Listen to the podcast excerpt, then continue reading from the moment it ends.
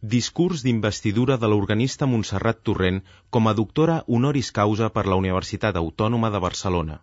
Excel·lentíssim i magnífic senyor rector, senyors doctors, senyors catedràtics i claustre de professors de la Universitat Autònoma de Barcelona, col·legues, familiars, amics, amigos i amigues. Voldria que se'm permetés la gosadia de no recórrer a la consideració d'expressar que no em considero digne de mereixer aquest gran honor que avui se'm dispensa. No. Són moltes les veus sumades en aquest reconeixement que assumeixo com a representant d'un col·lectiu d'organers i d'organistes que el compartim i fins i tot a memòria dels qui dissortadament ja no hi són i que encapçala un dels noms, Gabriel Blancafort com a organer i Jordi Alcarat com a organista i assistent meu al conservatori. Ens sentim tots recompensats i fortificats pel fet que la nostra lluita en el camp que ens ha correspost per situar l'orga al nivell que es mereixia hagi estat reconeguda i premiada per la Universitat Autònoma de Barcelona. A l'unisó i en tot l'esclat de la nostra joia diem moltes gràcies. L'orgue, per les seves dimensions, per la seva riquesa tímbrica i per la seva complexitat, és considerat el rei dels instruments.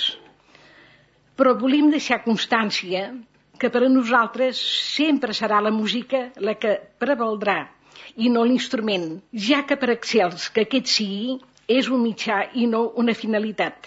Com a conseqüència, és la música la gran protagonista d'aquest acte. I com la definim, la música? Per a uns, la música és una expressió pura. Per a molts, un enfilall d'instants sonors que s'esveixen tot seguit, però que queden retinguts en el record.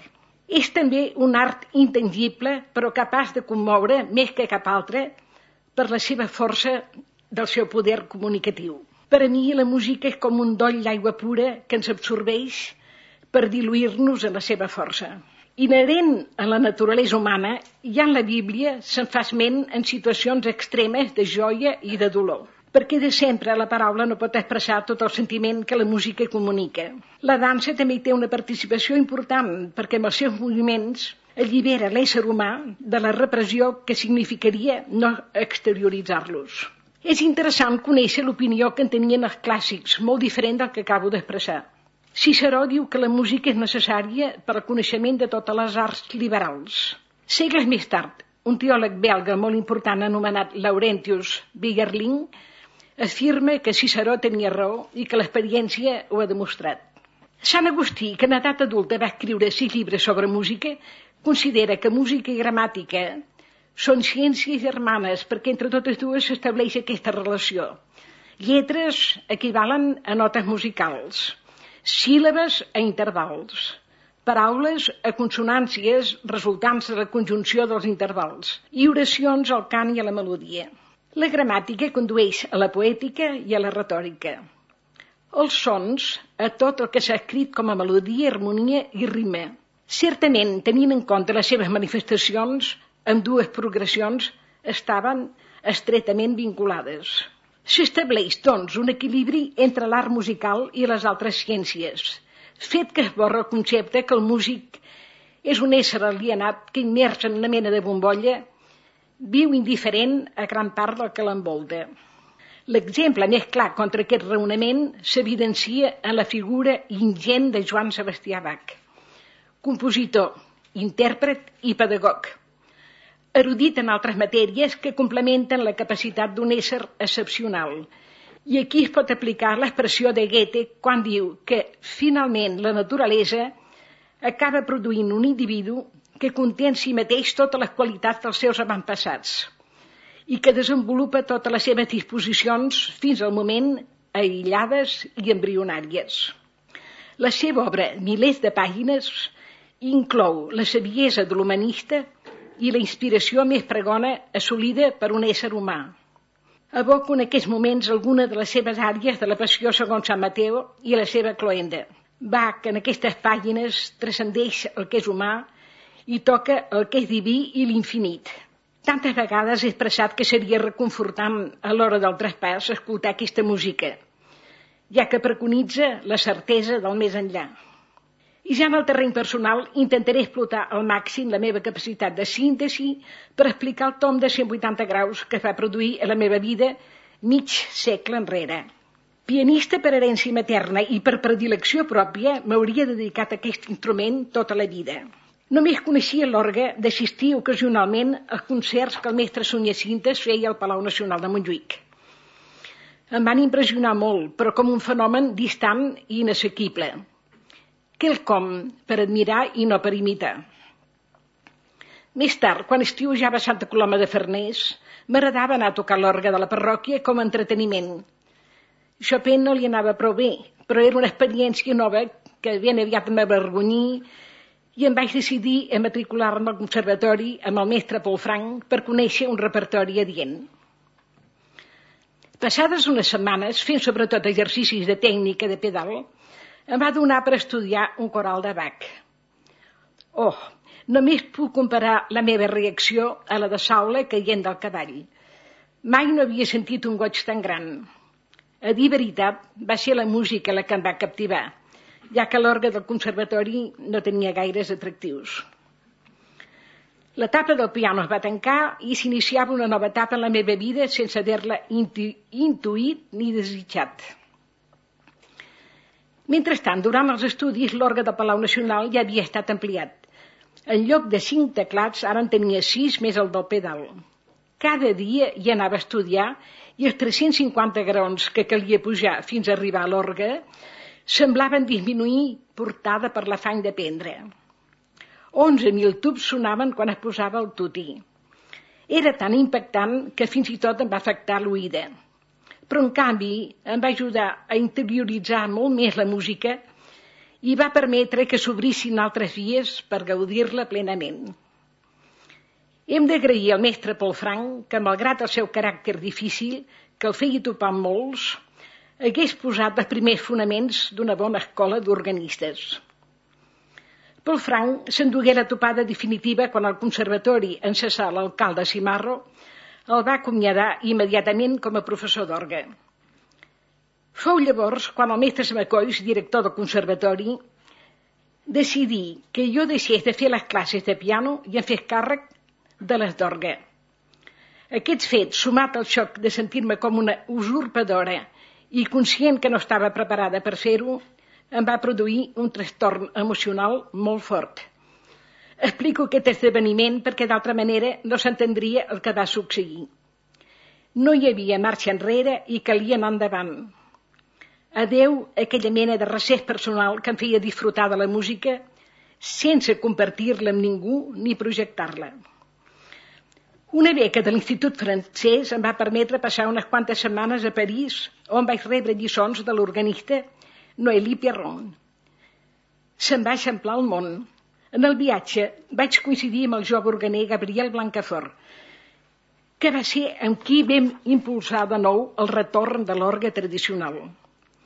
Un mateix afany ens movia tots dos, aprendre per poder operar un canvi tant en la construcció com en l'ensenyament. Durant tres estius consecutius, una beca de la Fundació Joan Marc en propiciar l'assistència als cursos de l'Acadèmia Quitjana de la ciutat italiana de Siena. Els professors eren els mestres Ferdinando Germani i Helmut Rilling. Si el primer va ser decisiu per eixamplar el repertori envers el romanticisme francès i alemany, el segon va ser qui en va revelar una nova dimensió de la música de Bach. En els seus preludis de corals per a orgue, en la seva grafia musical fa ús d'expressions retòriques i especulacions numèriques que plasmen el sentit teològic del text. Quin descobriment tan meravellós i quina joia divulgar-lo als meus deixebles. Cada vegada trobava més estrany aquell desig primerenc d'aïllament. Ara penso que era conseqüència d'un trauma de la meva infància en què durant la Guerra Civil Sotregada pels horrors del conflicte, buscava en va un refugi mental per evadir-me de la realitat. Aquesta guerra fratricida no tan sols va destruir famílies i persones, també va destruir els orgues històrics que hi havia a Barcelona i en, el, en, i en altres indrets del país. Durant la postguerra van substituir-los per uns instruments, l'opinió sobre les qualitats dels quals em reservo, que lamento que tots tinguessin el mateix efecte, la transmissió elèctrica. Podria objectar-se que eren orgues de tubs, per què lamentar-se tant de la carència de la transmissió mecànica? És molt senzill d'entendre. Imaginem que a l'orgue li posem noms pertanyents a l'anatomia humana. La consola on hi ha els teclats i els registres seria el cervell. La caixa on hi ha l'aire, els pulmons. Els tubs tenen boca i llavis per emetre frases musicals. Del cervell, els pulmons i els òrgans de fonació humana hi ha un sistema neurològic molt precís que els uneix funcionalment. En l'orgue d'aquesta unió funcional entre la tecla i la ventallola, o sigui, la vàlvula que permet que el vent passi cap al tub, en diem transmissió. La transmissió elèctrica consisteix en un cable que connecta un interruptor de la tecla amb un electroimant que obre la ventallola. Si la transmissió és mecànica, la connexió entre la tecla i la ventallola s'estableix directament per mitjà d'un lligam de varetes i altres articulacions. En la transmissió elèctrica, la pulsació de l'organista esdevé físicament i realment desconnectada de la ventallola. Per contra, en la transmissió mecànica, quan l'organista polsa la tecla, sent l'aire sota el llit, que li permet tot tipus d'articulació del so, de la més lligada a l'estacato més incisiu.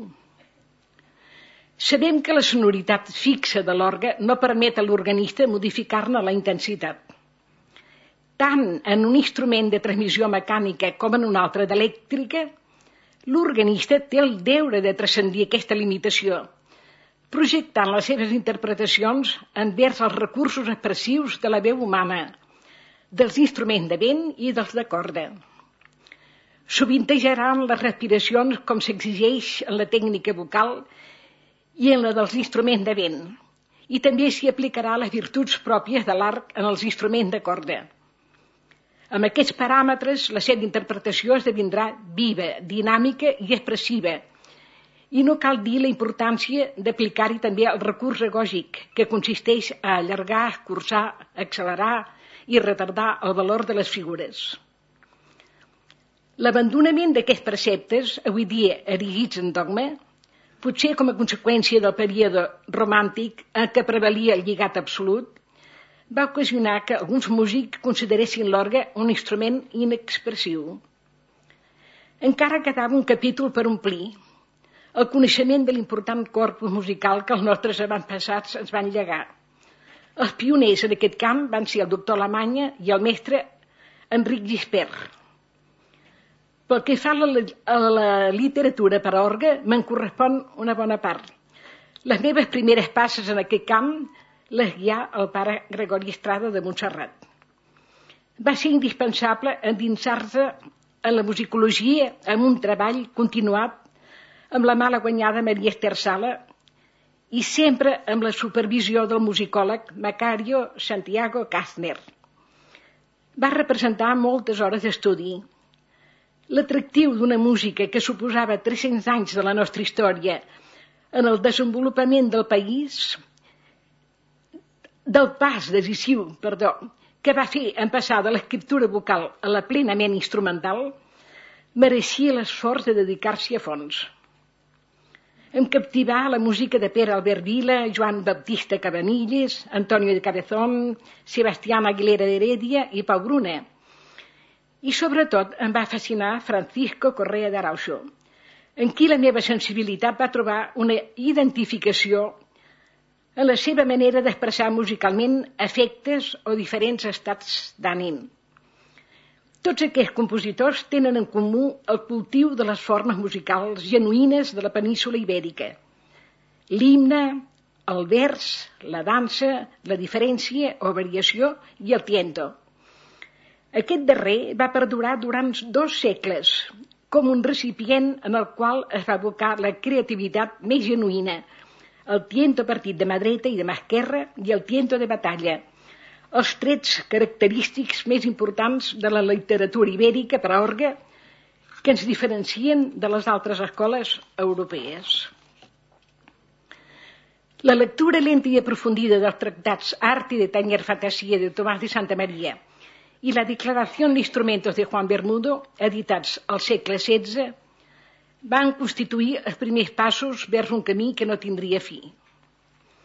Bermudo llança anatemes contra los bàrbaros tañedores que no respecten la teoria del componedor. Però d'altra banda també diu que el docte en música pot fer ús del que està prohibit al debutant. De la mateixa manera que aquí s'inicia en la gramàtica no se li pot aplicar les grans llicències concedides als poetes i oradors.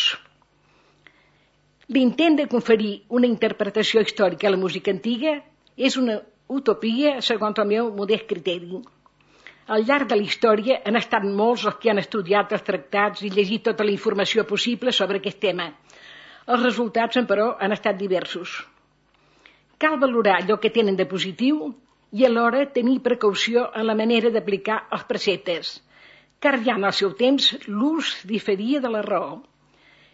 Transgredir la teoria després de conèixer la fons, sí, per ignorància o per capritx, no. Tot aquest repertori va constituir una dedicació plena quan a recitar els enregistraments i cursos a gran part del món. També cal remarcar la gran aportació de tots els compositors catalans que van enriquir el patrimoni de la música contemporània per a orgue i segueixen fent-ho. A l'hora d'entonar el meu Nunc Dimitis, quin goig constatar que aquella primera iniciativa que vaig compartir amb Gabriel Blancafort avui sigui una cadena sòlida, tant a la camp de l'organeria com en el de la pedagogia i el de la interpretació. La darrera vegada que vaig parlar amb ell, abans de deixar-nos per sempre, vaig dir-li es construeixen orgues magnífics de nova planta i continuen restaurant-se els orgues històrics.